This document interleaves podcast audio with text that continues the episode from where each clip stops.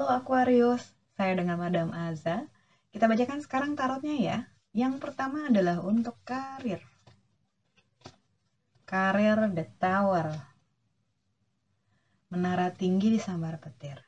Saat kartu menara tinggi di sambar petir itu artinya apa?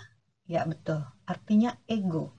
Ego yang mendapatkan masalah ataupun konflik dalam kehidupannya agar diajari egonya nggak usah jadi Tuhan gitu nggak semua mua harus tentang dirimu. Kamu bukan yang paling benar di muka bumi ini dan nggak semuanya harus ngikutin keinginanmu. So diajarkan untuk lebih relevan dengan orang-orang sekitar. Kok lebih relevan ya? Diajarkan untuk lebih mau melihat orang-orang di sekitar orang-orang yang selama ini dilihat dari puncak menara tinggi seakan-akan mereka di bawah kamu gitu ya. Berusaha untuk sejajar agar ngerti mereka maunya apa, kamu maunya apa, dan akhirnya menemukan titik temu. Kartu ego ini penting agar kita hmm. nggak tinggal dalam uh, nggak tinggal dengan kacamata kuda gitu. Kita melihat dunia dengan kacamata kuda ya akan sulit karena yang kita lihat akan berbeda dengan kenyataan. Kartu kedua, percintaan. The Hierophant. Untuk percintaan, Seseorang yang memegang kitab Torah ataupun ilmu pengetahuan dan satu tangannya ada di telinga.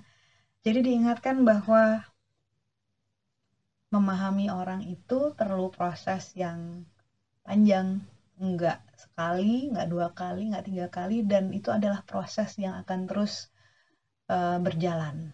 Orang berubah, kita juga berubah. Jadi kalau misalnya ada hal-hal yang harus ibaratnya apa ya, sinkronisasi ulang, Nah, lakukanlah. Daripada dipendam-pendam, daripada kamu pertanyakan sendiri, lebih baik ya ditanyakan, diobrolin langsung aja. Karena takutnya nanti yang kita kira-kira kenyataannya nggak seperti itu. Banyak orang lebih suka mengambil keputusan berdasarkan kesimpulan sepihak. Ujung-ujungnya bakal nyesel. Jangan sampai seperti itu. Kartu nasihat, ini untuk general ya nggak cuman terkaitan dengan cinta ataupun karir, Kartu nasihatnya adalah universe ataupun semesta. Nasihat yang diberikan, keinginanmu mungkin tidak langsung seketika bisa dicapai. Tidak semuanya akan langsung jadi kenyataan, tapi ada prosesnya, ada tahapan-tahapannya. Yang kamu dapatkan akan sesuai dengan waktunya. Divine timing katanya. Jadi waktu yang tepat mendapatkan apa yang tepat Nah, seperti itulah yang uh, kita dapatkan sebagai manusia. Seringkali kita ngerasa, aduh aku nggak suka yang ini, aku nggak seneng yang ini. Padahal sebenarnya itu adalah yang terbaik buat kita dibanding dapat suatu hal lain yang lebih buruk gitu ya. Jadi musibah sebenarnya kadang-kadang adalah sebuah penyelamatan tanpa kita sadar dan sebuah kebahagiaan bisa jadi bom waktu di masa depan. We don't know that. Jadi kartu nasihat universe yang keluar ini menunjukkan bahwa segala sesuatu itu adalah proses dan proses itu tidak apa-apa gitu. Kamu sedang berada di titik apa itu adalah yang terbaik buat kamu saat itu.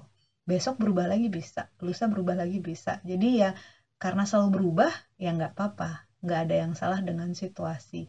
Tinggal kita mengupayakan yang terbaik aja mengupayakan berdoa mengupayakan lagi. Nggak ada yang salah kok dengan itu. Sekian bacaannya.